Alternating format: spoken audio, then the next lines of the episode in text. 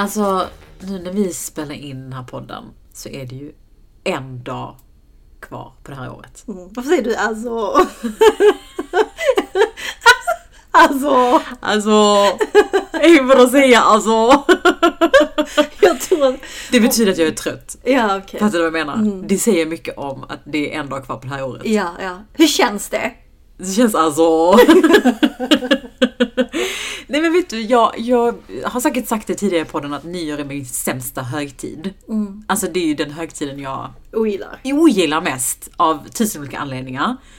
Är barndom. Nej men alltså jag gillar inte den här liksom, årstiden generellt sett. Så att för mig är det själva högtiden lite förknippat med lite ångest, lite så jobbiga känslor in general. Och det blir det lätt att när man tänker på att det är snart ett nytt år och om allting som, som ska hända nästa år och man ska reflektera tillbaka, att det blir en liten, kanske en tråk, ett litet moln över den tankeövningen som man gärna vill göra inför nyår med nyårslöften och sådär. Exakt, och man ser alla delar liksom sina nyårsgrejer. Resolutions. Exakt, och tankar och- Exakt, eller så här har mitt 2023 varit. Det är ju väldigt många sådana just nu på sociala medier. Vad ser du för trender? Ser du ett mönster? Ehm, ja, alltså jag tycker många tycker att 2023 har varit ett tufft år. Jättemånga. Ja, du har också tänkt på det. Ja, och någonting jag också märkt är att det varit väldigt mycket fokus på välmående, hur man har mått. Och mindre fokus på vad man har liksom eh, åstadkommit. För några år sedan var det mycket så vad man åstadkom på jobbet. Ja. Så många varumärken startade jag 2023. Ja men så här gjorde vi, så här många events och detta blev, och detta blev en lansering som blev jättelyckad. Vilket är skitkul, jag älskar att ta del av sånt också. Men jag märker en trend att det är mycket mindre jobbsnack och mycket mer välmående snack. Men jag vet inte om det är bara mitt flöde. Nej, men det är nog sant det du säger. Att just det, men också att man, jag tror Och att det var tufft. Jag tror också delvis att det har att göra med att man är mycket mer transparent om sin psykiska Hälsa. Mm. generellt nu på sociala medier än vad man var för några år sedan. Jag tror fokuset har alltid varit där, men du vet att man faktiskt visar och säger att jag har haft ett tufft år på grund av att jag blev av med Ja. Mm, jobbet eller min man dumpar mig och så vidare. Är ju mycket, man är mycket mer ute med det nu än vad man var för några år sedan. Ja, men Innan var det mycket såhär, åh, kolla så fint jag dukat. Ja men precis. Typ. Det kanske jag gör imorgon by the way. Eh, Nej men följer du Helan Shabani? Ja, det gör jag. Ja alltså hon tycker hon är så härlig. Så kul för att jag och hennes man jobbade ihop på IBM när vi var studenter. Är det så? Mm. Ja, sen så, han var ju en riktig bror. Och så har vi liksom eh, haft kontakten och så började jag följa hans fru och eh, ProAd, där jag sitter i styrelsen, de har henne som profil. Ja okej, och hon gör ju för de som inte vet mycket mat. Ja, hon är matkreatör. Ja. Så duktig. Hon skrev på Threads, så jävla kul. Nyår närmar sig och likt förra året blir det mjukisar, något gott att äta och inte ett enda krav. Ja. Och där tänker jag att hon bara sätter den här ribban. Det är det alla vill göra egentligen men som typ ingen vågar göra. Mer eller mindre. Men det, mm, jag kommer göra det imorgon. Ja, Jag är så modig! Jo men ni, det känns också som att alltså, det har ju aldrig varit så inne att inte göra någonting på nyår som Ja. det är nu generellt Ja. sett. Alltså det är ju mycket mjukisar och sådär. Ja. Och väldigt lite krav på att det ska vara snyggt och fint och det ska Mm. Och vara... glittrigt. Exakt, och jag tror inte det säger mycket om folk så här. Man pallar inte. nej. Du vet förra nyåren var vi i LA. Jag blev ju jättesjuk. Alltså så pass sjuk. Jag låg sängliggandes. Jag åt en granola, det var det jag fick i mig den dagen. Och var jätte, jätte utmattad. Och jag pratade med min man om det, vet du vad han sa? Han bara, det, det var den bästa nyåren i mitt liv. Alltså då satt För att han... du var led. Nej, Ja men, ja, men för, då, för att det var så kravlöst tyckte Ja. han. Och han liksom beställde god mat till sig själv då för att han kunde äta. Satt med sin mobil, kollade på YouTube och kollade på Twitter. Och för han var det liksom skitnice. Mm, mm, fattar. det Och jag hade ju sån ångest för att jag var sjuk och tänkte fan synd om honom. Nu blir det liksom en pissig nyår. Ja. Så ja. Men hur känner du generellt inför det här nya året då? Vad är dina känslor och tankar kring det? Alltså, Du hade Jag- också en alltså. ja, men, jag- alltså, jag tycker att det har gått alldeles för fort. Det kan ge mig lite ångest. Men samtidigt vet jag inte hur mycket mer i nuet jag ska vara, för jag är redan i nuet. Jag tar verkligen in varje sekund och, och liksom så njuter av det. När man kan njuta av det, det är inte alltid man kan göra det. Men jag tycker ändå det går alldeles för fort, så att jag känner mer att okej, vi kommer vara 2025 snart. Mm, inte ens lönt att börja... Men inte så lönt att infinna mig i. Nej, exakt. Men jag har liksom inga sådana löften. Men jag tänker att jag kommer kunna prata lite mer om, om detta lite längre fram. Ja. Eh, exakt hur jag känner. Men Jag är så pepp på att vi ska till Thailand. Alltså det ser jag fram emot. Men vet du, jag kände faktiskt på väg hit när jag funderade lite på så här, nu är det nytt år, vad, är mina, vad tänker jag inför det här? Eh, och jag kände så här, vet du vad? För vi pratade om några avsnitt sen, så pratade vi om såna här reflection-frågor som man skulle ha om året som har varit. Men jag är så över det. Jag är inte alls i ett mode där jag känner att jag vill reflektera över 2023. Och jag gillar heller inte nu när vi ändå pratar om de här, hur har mitt 2023 varit? Jag vill inte blicka tillbaka, jag vill blicka framåt. Alltså jag vill känna den här pirret inför nästa år. Ja, som ja. ändå kan vara, och att inte veta exakt vad som kommer hända. Att det är lite osäkert. Men det är just det du säger. Jag vet inte vad som kommer hända 2024. Och jag tänker att jag ska njuta av det för första gången i mitt liv. Jag ska inte försöka ha kontroll. Nej. Och det ska man fan med unna sig själv några gånger i sitt liv tycker jag. Att, att liksom våga bara åka på lite det här tåget som är livet. Exakt så. Men vi kan ju inte börja det här året utan att snacka trender. Nej. Det är lite vår grej. Lite framåt. Vi ska inte blicka tillbaka. Nej, nej, vi ska blicka framåt, vi ska se in i spåkulan. Vad ser vi? Exakt. Och vi är ju absolut inga experter vill jag bara säga. Nej, jag vill ha en alltså- disclaimer av disclaims. alltså faktiskt för att det är vi någonstans vi pratar om här är så här, vad tror vi om vi får vara lite spekulativa om framtiden när det gäller jobb och karriär. Hur kommer det här året 2024 som det faktiskt är när vi släpper den här podden? Fattar du? Det kommer vara läskigt. 2024. Eh, hur tror vi att det kommer vara? Och det, och det är brutalt ärligt vill jag också bara säga. Inget så här sugarcoating. Nej, nej, in the workplace. Ja. Jobbtrender. Ja. Mm. Ja, men jag tänker, det kommer vara väldigt mycket snack om det här ledarskapet som det i och för sig alltid varit. Men nu när det är så många generationer som möts samtidigt. Jag fick lite inspiration av den podden jag var med i, Jämt- Jämtelligent-podden. Där vi snackade om eh, vad som händer när liksom, generationer möts och inkluderas och liksom mixas. Eh, och jag tror det kommer bli lite tufft. Vi, vi ser en generation som är lite curlade. Och en annan generation som är så här, men på min tid. Mm. Och det kommer bli lite jobbigt för någon måste ju ge sig. Eller så måste man bara kompromissa. Mm. Men har det inte alltid varit så alla år då? Jo det har det. Alltså, för det är alltid snack om den äldre och den yngre. Men jag tror Ja. att nu är det så många samtidigt. Det är liksom, vad heter de, generation X, det är baby boomers, det är millennials, generation Z. Som ändå har lite olika värderingar och sätt att se världen på. Så det kommer bli lite, eh, liksom, lite konflikter. Och jag tror att många som föreläser om ledarskap och är konsulter inom detta kommer tjäna skitmycket pengar. Så man kommer behöva ha hjälp. Mm, mm. Men hur tror du det kommer påverka själva ledarskapet i sig? Alltså hur ser du kring the leadership? Kommer det vara en sån här lite fragile ledarskap? Att det blir lite fragmenterat? Som så olika generationer. Ja, men jag tror någonstans att det kommer vara lite som kulturkrockar, generationskrockar. Men jag tror också att eh, de som vinner på det, det är ju de som inte bara lyssnar utan de som också gör sin research. Som kanske vågar snacka med sina barn om man har barn. Så här, Ja. Hur tänker ni? Alltså ta inspiration och våga vara lite, vi snackar om det, omvärldsbevaka lite. Jag, jag, tror, jag tror man vinner mycket på det. Ja. Vad tror du själv? Alltså det jag generellt tänker kring ledarskapet 2024 i jobbmarknaden. Det är ju att vi går ju också in i lite tuffare, ett tuffare klimat. Vi ser ju många varslingar och vi ser många omorganiser- omorganisationer. Bolag som har varit svaga och liksom glidit lite på högkonjunktur kommer utmanas. Vilket gör att i pressade lägen kommer ju också det riktiga ledarskapet fram. På gott ja. och ont. Ja. Så jag tror också att vi kommer se ett resultat av det, antagligen. Eh, en del kanske ökade utbrännings... Alltså folk som går in i väggen för att det blir ofta när det blir lite så här krisigt och det händer mycket i arbetsvärlden och liksom cheferna börjar snacka siffror när det är jättepressat och vi måste leverera. Så kan det ju bli lite sådär att man Mm, tufft klimat. tar bort det här positiva, härliga som har varit nu i flera år när man har snackat om välmående och du vet, employer branding och allt sånt där. Så jag tror att vi kommer se en utmaning i det, i ledarskapet. På gott och ont. Vi kommer också se de där riktigt bra ledarna, Ja. tänker jag. Eh, som kommer komma fram och vara lite så här: nu är vi ett lag, nu gör vi det här tillsammans.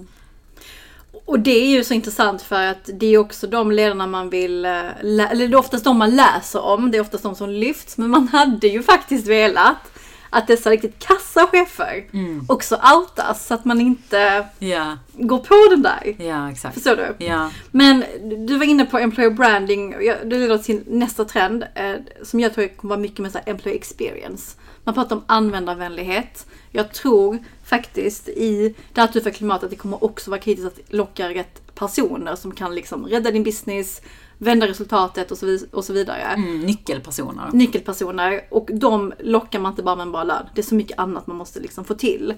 Och folk snackar ju idag, alltså det är, räcker med att en person har en dålig upplevelse så outar sig på LinkedIn. Så jag tror man kommer prata mycket mer om upplevelse från att man skickar in sitt CV till att man får ett offer eller eh, inte ett offer. På en helt annan nivå.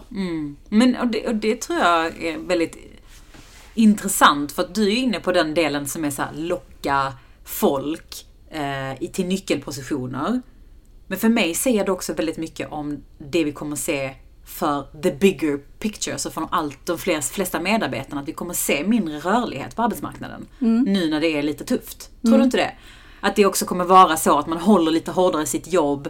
Man går gärna inte på en provanställning för att man vet att så här, det är lite rocky just nu. men jag det är lite som- fat and happy. Ja, men det var lite som under pandemin. Då var det ändå många som bara, vi, vi avvaktar, jag vill inte byta jobb Ja. nu mitt i liksom. Och vill inte lära känna kollegor digitalt, jag vill gärna jobba, jobba på ett nytt ställe när man Precis. träffas på kontoret. Och därför är det också just det där med employer experience, att det blir mer viktigt när du väl vill locka folk. Att Ja. kom igen, våga över dig på andra sidan. Typ. Ja. Jag hörde att, eh, att Kaja, eh, det här sminkvarumärket, de brukar, eller jag tror att de gör alltid så att de ger smink till sina jobbkandidater. Så att de kan få testa. För att se om de köper in sig på varumärket. eh, För det är en del av processen i re- rekryteringen. Mm, live the brand. Ja, jag tycker det är ganska coolt. Mm, mm. Väldigt. Det är kul om man inte använder smink. Ja, man bara tyvärr, då är man borta. Nej men eh, intressant. Um, ja, vi har ju också pratat mycket om det här med alltså giggandet. Vi har ju snackat extra, vi har haft ett helt avsnitt där vi pratar om giggers eh, och liksom gig economy. Mm, jag måste snacka om det igen känner jag. Ja, men det är ju verkligen på tapeten ännu mer nu eh, eftersom att det blir ju lite tuffare för bolag kanske att ha anställda på sikt, man vågar inte anställa folk, du anställningsstopp på bolag. Då kan det också vara bra läge att ta in en konsult eller en giggare. Mm, för du måste ändå få saker gjorda. Och vi vet att alla är ju verkligen så upptagna som, som det är. Och jag har faktiskt hört rykten eh, från många av mina konsultvänner att allt fler av deras kunder börjar få anställningsstopp men de har fått loss en budget för att ta in konsulter. Tillfälligt liksom. Så det är lite av ett drömläge. Det är inte helt dåligt. Det är nu alla öppnar konsultlåda, det går loss på LinkedIn. Precis. Nej men det är kul, det tycker jag är skitroligt. Ja, och, jag tror, du. och jag tror också typ att hela den här biten, för det är ju oftast liksom storbolag, många utav gig-uppdragen har Mm. ju oftast legat i kanske en viss typ av kompetens. Ja, men det har ju varit mycket IT-konsulter, det har varit mycket liksom den typen av konsulter som är kanske mer spetskompetenser. Men jag tror vi kommer se fler projektledarkompetenser nu. Folk Mm. som ska in och driva projekt. Alltså nu vill vi ha in någon som ska göra det här, men vi har inte råd att anställa. Exakt, få saker från A till Ö. Precis. Mm, och det kan ju vara... spännande. Ja men faktiskt. Ja. Sen tror jag också mer och mer att vi kommer se, alltså vi har ju sett en trend att innan skulle alla ha en master, man skulle gärna ha en master från de bästa universiteten till att det är okej med bara en kandidat, vilket inte är bara. Till att se så här, ja men man kan gå en yrkesförberedande, IHM har liksom boomat. Eh, Jag tror nästa är skills first approach, det vill säga att man kommer gå på mycket mer vad du kan och mindre på vad ditt examensbevis, om det ens har ett examensbevis. Tror jag. Eh, och jag tror också man ser en trend bland kreatörer som kanske inte har gått på Bergs men lyckats ändå bygga upp en TikTok following med ett jättebra content. Brukar liksom ladd, landa dessa contentuppdrag. Och jag kom, tror vi kommer se mer och mer av sånt. Mm. Och det tycker jag ändå känns skönt på ett sätt. Mm. Fast att du har en, en kandidat. eh, Ja men för ett bra universitet. jag har skills också. Nej men jag tror, för att vi får ofta frågan in till på den här, så här men hur gör jag om jag vill byta bransch? Hur gör jag om jag vill in Mm. i någonting nytt? Eh, och det är, vi har ju varit lite så trötta i våra svar ibland, att det är, kan vara lite tufft ibland en viss bransch för att de är lite så här Bajsnödiga. dinosaurier typ. Alltså Mm. verkligen. Men jag tror att man kommer utmanas mycket, mycket mer i det. Att det kommer lite så här uppsticka folk. Mm. Som också, jag tror ju, vi har ju varit inne på det tidigare, men det har ju varit specialisternas era. Alltså det har ju varit Mm. liksom, om du är specialist på någonting, oh då jävlar då flyger det. Du blir bäst på TikTok eller du blir bäst på det. Jag tror lite det på att man learning by doing. Nu är det mycket så här att man får in folk som bara vågar göra saker och testa. Mm. Alltså att säga, nej men jag vet inte hur jag gör men jag kanske kan lösa det ändå. Alltså den approachen blir lite mer Mm. Och det gynnar ju också det här skills. Mm, ja men verkligen. Nej, men det är, jag lyssnar på, eh, eller följer hon Ofe- Ofelia Wistedt, heter hon på TikTok eller Instagram.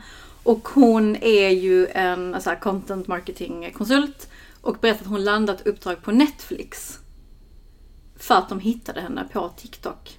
Och de behövde någon TikTok-kunnig person. Ja. Det är nog jävligt fett. Men du hittar den på plattformen som du faktiskt ska jobba Ja, med. Ja. Makes sense. Precis. Istället för att kolla på LinkedIn till exempel. Ja, eller så här, finns en TikTok-skola? Absolut inte. Nej. Mm, så Intressant. det- Ja, så man behöver inte plugga med andra ord. Nej, men också så här ett, en, en liten så här spark i, bark, eh, spark i backen. spark i baken på folk som vill utveckla ett skillset. Att faktiskt bara göra det och komma ut och testa. Och bygga sitt case, sitt portfo- sin portfolio Mm. för att liksom komma vidare. Istället för att titta på liksom universitets kurser inom ämnet. Det kanske inte är där man ska leta i det här läget. Mm. Nej, inte liksom den här världen vi lever i. Och jag tycker bara det är så, det ger mig så mycket hopp om att du kan bara starta från din mobil. Alla vi har en smartphone, eller hur? Vill man lära sig om matlagning? Vill man börja dela om, eh, ja men ta mig själv som, inom mode. Jag tycker mode är skitkul, börja dela mer av det på Instagram. Och, och sen bara trilla in så frågor från folk. Och, och det kanske inte så att jag ska starta ett modebrand. Men någonstans får jag ändå jobba lite med min hobby. Och vem vet vad det kan bli sen. Mm. Kanske Nyhetsmorgon ringer mig som modeexpert. Men Nej, gud man. Nej, men verkligen, det är verkligen så jag tror att vi behöver se på liksom, framtidens karriär. Att det handlar inte längre om liksom, att skapa sig ett yrke. Alltså jag tror att det Nej. är så ute. Nej, att du kommer sig. till nästa trend nu. Ja, man bara give it to us. Nej, men jag tror ju att det här med att skapa en karriär the classical way. Mm. Vad är det classical way? För men du inte vet, det här, plugga på universitet, börja en in, in, liksom instartsposition, Mm. ingångsposition, instartsposition, ingångsposition och sen växer du successivt och blir till slut en det. VD eller chef eller vad du nu liksom vill bli. Den där klassiska karriären, jag tror inte riktigt på att den kommer vara inne. Det kommer fortfarande ske. Folk kommer fortfarande behöva gå den här karriärresan. Men jag tror att vi kommer se lite fler så här konstiga Alternativa vägar. Ja, lite sådana, nej men jag gjorde det och sen så halkade jag in där och sen helt plötsligt var jag på Nyhetsmorgon som expert. Förstår du vad jag menar? Att så här, ja men sen skrev jag en bok och därefter så startade jag en skola och sen så byggde jag en bar i Kuba. Alltså, jag tror... Kuba var ställen. Inget till det bästa stället att starta bolag, men ni fattar vad jag menar. Att det är liksom just intressant, eh, intressanta och alternativa karriärvägar kommer bli lite coolare. Vilket också kommer göra att man kommer våga mer kanske. Jag tror också att man kommer ha flera plattformar att stå på. Eller Ja. ben, plattformar, flera ben att stå på. Att man har liksom kanske sin huvudsyssla Mm. eh, som ger liksom mat på bordet. Men så har man sin hobby som ändå ger lite cash men kanske inte kan betala liksom amorteringen. Ja. Eh, och, och så får man liksom, man gör mycket helt enkelt. Och så man leder testar. det ena till det andra. Ja. Alltså det är lite just det där med att man kanske inte alltid har det endgame i sig. Nej. Men, men sen är det så svårt för att jag tror också att många som kanske bara Alltså att bara för många att ens tänka att ha alternativa karriärer kan kännas lite så overwhelming. Alltså vad betyder det? Men det behöver inte vara så stor grej. Det kan ju vara att du kanske gillar att stöpa ljus. Och så skapar du en Instagram för det och sen helt plötsligt säljer du några ljus. Och sen så blir det någonting annat och så blir du skitbra på det så du hjälper andra bolag att starta bolag. Alltså det är lite det här mindsetet att du går inte från junior brand manager till brand manager, från brand manager till senior brand manager, från senior brand manager. Alltså fattar du hela den här liksom Och, vilket också var i alla fall vi som är 90-talister lärde oss när vi pluggade. Då var det ju det. Jag vet inte hur det är för liksom nästkommande generation vad de lärde och hörde. Men när vi pluggade då var det ju alltid KPMG, EY, Deloitte och de stora revisionsbolagen i ekonomikorridorerna för att vi pluggade ekonomi. Och det var någonstans det man trodde var det som fanns. Bara. Mm. Mycket händer. Eh, sen, eh, detta är ju en trend som började redan för ett år sedan, men back to office. Just det. Vi snackade mycket om hybridarbetet och det var ju, det är ju fortfarande. Men allt fler bolag börjar, jag komma säga det, tvinga tillbaka sina medarbetare. Ja. Kommer bli the new standard att liksom faktiskt ha ett kontor att ta sig till. Och jag vet inte Och du ska vara där x antal dagar i veckan. Ja, alltså vad känner vi för det? För vi har ju också varit lite så här, vad ska man säga, förespråkare för det hybrida sättet, remote working och vi har snackat mycket om att det är framtiden, vi kommer inte kunna gå tillbaka. Vi har ju verkligen varit hårda. Och nu ser vi lite tuffare klimat. där man kanske som kandidat inte kan vara lika hård och tuff som man har varit för några år sedan när det var flöt på så att Mm, säga. precis, en del av förhandlingen. Vad, knappt. vad, tror du liksom? Vad tänker du kring detta nu då? Ja, men jag, jag tror du sagt detta innan i någon podd eller intervju vi har varit med i.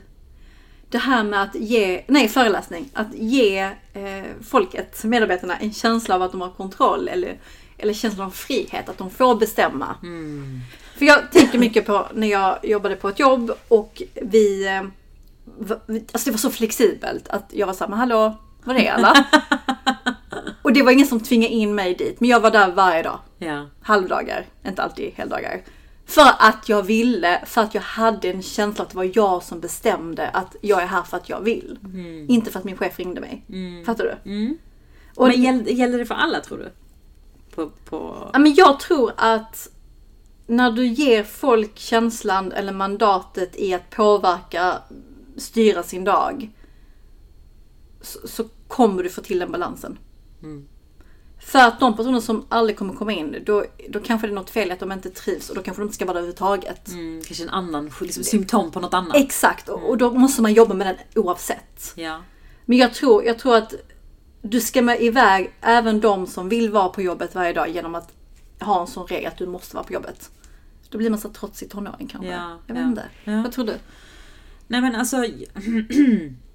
jag tror att det finns många ledare, nu på tal om ledarskap som vi varit inne på. Jag tror att i tuffa tider så kommer det finnas ledare som kommer bli lite mer management by fear, lite mer tajtare, kontroll, grepp, vad gör anställda?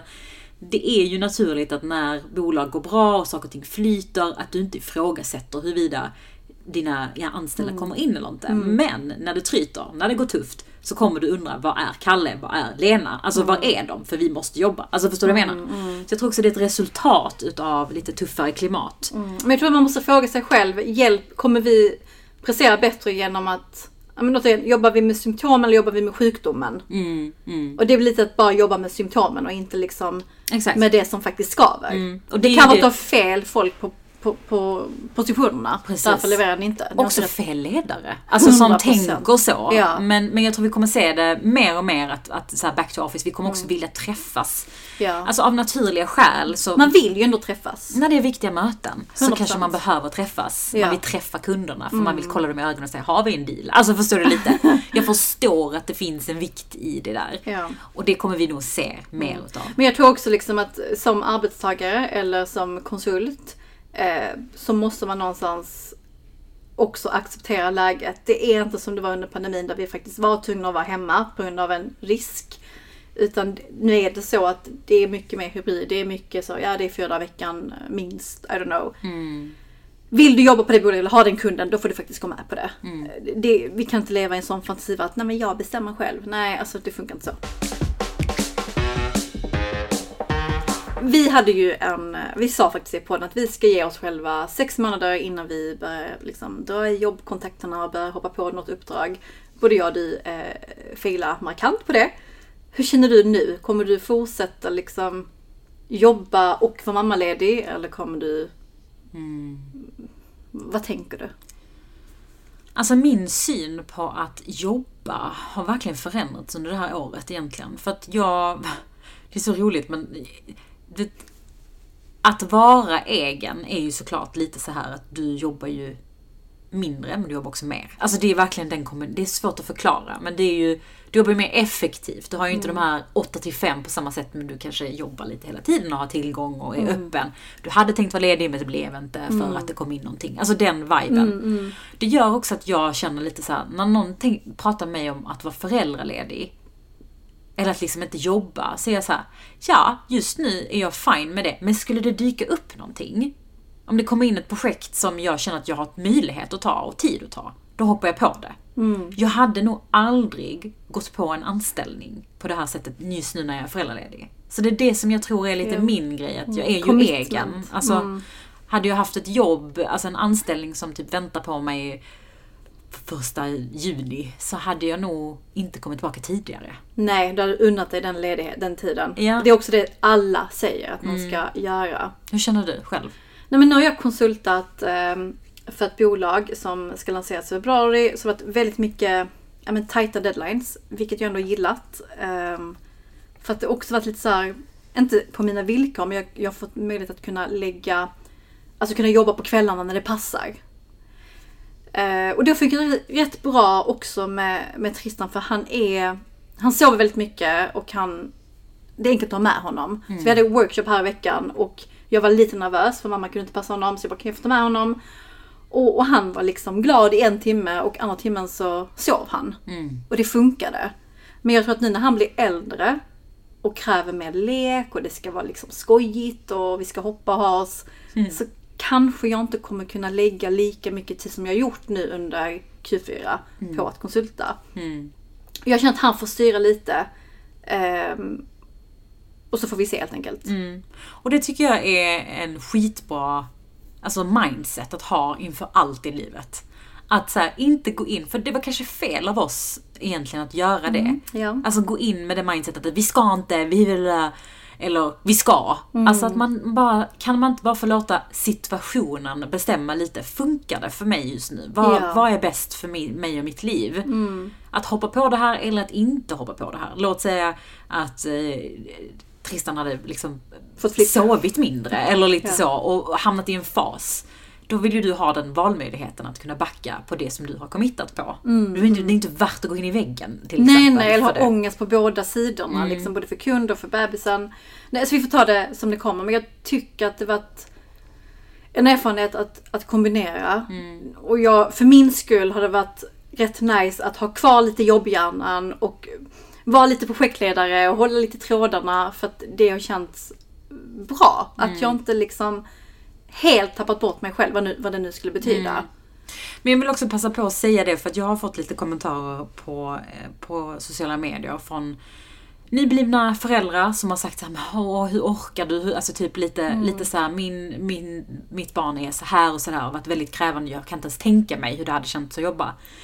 Och jag vill bara skicka med den att alltså det finns absolut ingen så här hets kring att man Nej. måste eller hit. Jag har också haft perioder där jag, som jag också sagt i podden, typ ångrat att jag har hoppat på vissa saker för att min dotter har varit superkrävande.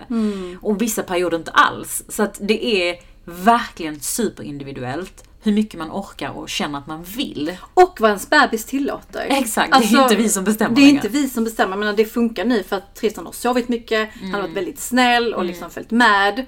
Men det finns ju dagar där han inte är lika snäll och då, då jag ringer dig och är helt utmattad. Du bara, Mm. man man snälla sluta klaga. men alltså jag, jag, säger, jag pallar inte. Nej. Så jag, jag förstår det att, att man inte orkar. Mm. Om man har en superkrävande bebis. Och är allmänt trött. Exakt. Vilket man är. Det, det behövs inte en bebis för att vara super.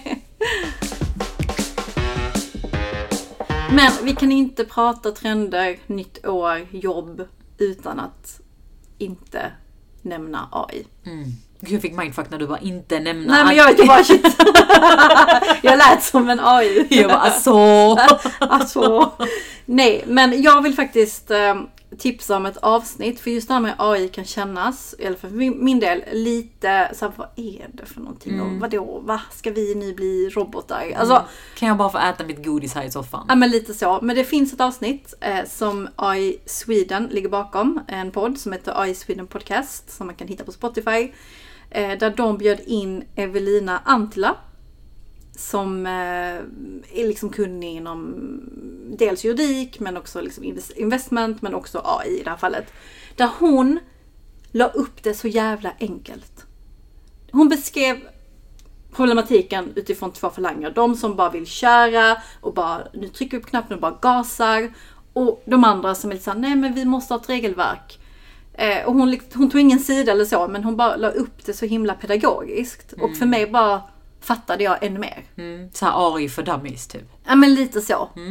Eh, och Bra tips. mm, vi delar det i, på vår Instagram. Ja. Eh, Men just med AI, det är ju här för att stanna. Och jag tror att du var inne på det på något, något avsnitt sen. Det handlar nog om hur vi förhåller oss till det. Det är ju det som är frågan. Hur Exakt. gör vi? Och vad innebär det för mitt yrke, för mitt team, för mig, min marknad? Vad är det som gör, alltså hur förhåller vi oss till den här jag vill inte säga fenomenet, för det är ju egentligen alltså inget fenomen. Det har funnits här hur länge som helst. Alltså det är bara just det här, hur förhåller vi oss till den här verkligheten som vi står inför? Nej, men vi hade ju också ett hon-event med en annan AI-expert, Malin Larsson, och hon sa någonting jävligt bra. Och det är att använda AI lite som sin assistent, som ett hjälpmedel, ett verktyg. Börja där. Exakt. Var inte rädd. Men om vi nu blickar in i 2024 gumman. Du ska manifest. Du ska sätta upp ditt 2024. Vad ser du framför dig? Alltså jag ser enkelt. Alltså jag gjorde mina naglar, na- mina naglarna, mina naglar innan. De är typ milky white, det vill säga enkelt. Okej. Jag börjar där. Aha. Jag ska börja åt med enkla naglar. Simple. Jag har organiserat om min garderob. Jag ska in i det här året med en enklare garderob. Jag ska in med ett enkelt mindset. Jag förstår, jag ser trenden. Du ser, det ska, Jag ser vara, tråden. det, ska, det ska inte vara toxic, det ska inte vara konflikter, det ska inte vara missförstånd som är liksom eh, som man oftast liksom håller upp i sitt eh, huvud. Oftast är det inte så svårt in real life men så har man massa dumma tankar. Minimera sånt.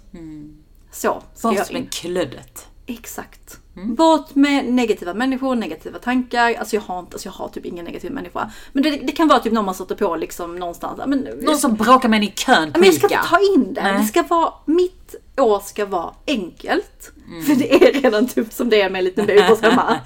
Så det får vara det tuffa. Mm. Allt annat ska bara vara harmoniskt. Ja. Mm. Okej, Du men jag gillar det. För vet du vad? Det innebär ju också för att, eh, let's face it, vi har, det är precis som du säger, livet är inte enkelt. Alltså vi måste ju Mm. Någonstans, alltså det, man har ju challenges, saker händer upp och ner. Men vad skönt om man kan minimera allt runt omkring. Mm. Alltså ta bort det som inte har hänt än. Ja, men jag ska inte ge mig in i liksom så här, du vet, om någon kusin har bråkat med en annan kusin och så får Nej. jag höra så här, vad tycker du? Då ska jag bara, nej men vet du vad, de, de vill inte dig illa, ni borde bara prata. Jag ska inte ge min åsikt, Men du? var, var, har du fått den ifrån? För du är, du är väldigt enkel person, men du kan också vara väldigt så här Eldig. den personen som går in och har diskussionen om kusinen. Så var kommer det här ifrån? Jag vet inte om det är mognad. Alltså jag vet inte om det är att jag har fått barn och insett att det finns viktiga saker i livet. Jag vet inte. Men jag känner bara att jag... Alltså livet är för kort för att hålla på. Och jag mår bra av när det är enkelt. Ja. Fan vad bra. Jag tar inspo från det faktiskt. Jag ska också kludda, ha ett kluddfritt år. Men... eh, Mer då, mer. Nej men jag, alltså för att, du vet, jag känner någonstans att det här året 2024 så vill jag fokusera mer på min fysiska hälsa. Okej. För jag upplever att, precis som du var inne på innan, så har det varit mycket fokus på att må bra, mycket fokus på, på liksom sin psykiska hälsa, vilket såklart är skitbra.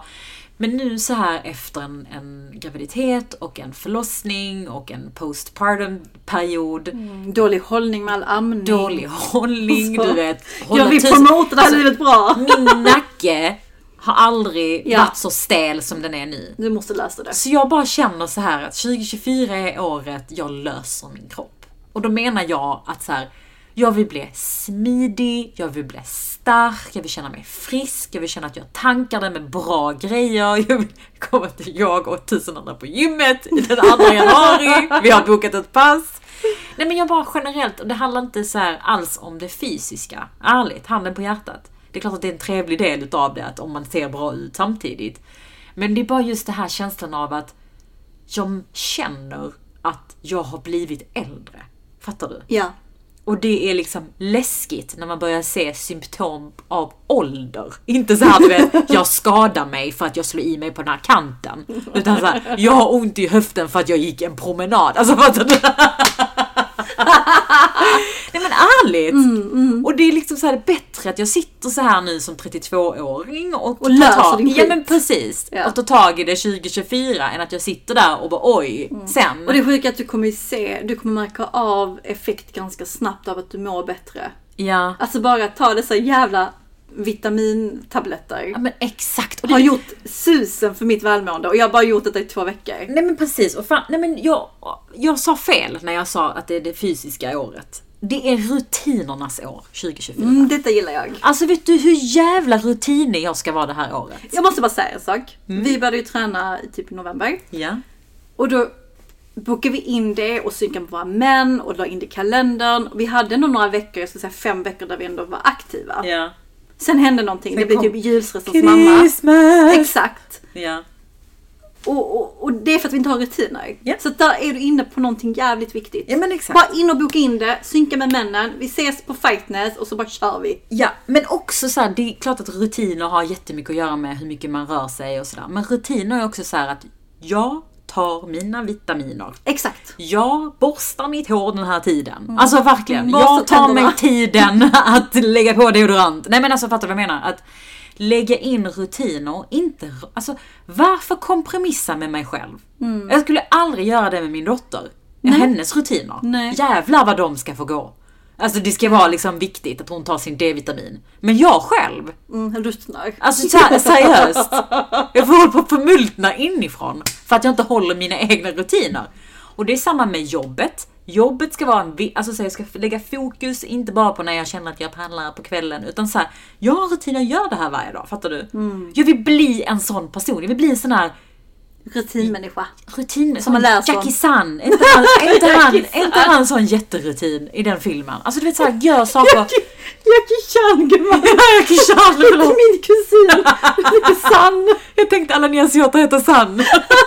Men ni fattar vad jag menar, liksom den viben vill jag åt 2024. Alltså jag blir jättepirrig av detta. Mm. Och sen den sista. Okej. Jag vill ha, jag vill att det ska vara piffigt kring mig. Okej, nu gick du från det här enkla gumman. Nej! Nu sa du emot dig själv. Nej men, alltså det ska bli enkelt. Men, Men, ja, en men du vet, nej men det är så här. Jag ska tömma eh, vattnet i vasen när jag ser att det blir lite äckligt. Jag ska inte vänta på att min man, för jag tycker inte om att bära, typiskt. Ja. En annan, det är en annan grej. Jag ska, jag ska så här fixa fina ljus. Jag ska inte, alltså förstår du du? ska lösa din egen skit. jag ska lösa det. Mm. Mm, jag gillar också det. Mm. Och så att det är piffigt, så när jag vaknar så är det liksom fint. Mm. Enkelt. Vi börjar dagen med enkel mindset. Ja, Fattar du? ja, ja, ja. Det, när, vi pratar om det här enkla och eh, liksom radera bort så får det mig att tänka lite på en, en trend som jag läste någonstans är inne nu när, när man pratar om det visuella uttrycket. Alltså man ser på liksom Brands. ja, precis, i, inom mode med allting så. Det har ju varit eh, minimalistens era nu. Mm, typ så, Byredo. Ja. Men vi ser ju nu tydligen, eh, experterna är inne på, att vi ser att det är på väg bort. Att man går lite mer in i det här, liksom mycket, är, more is more.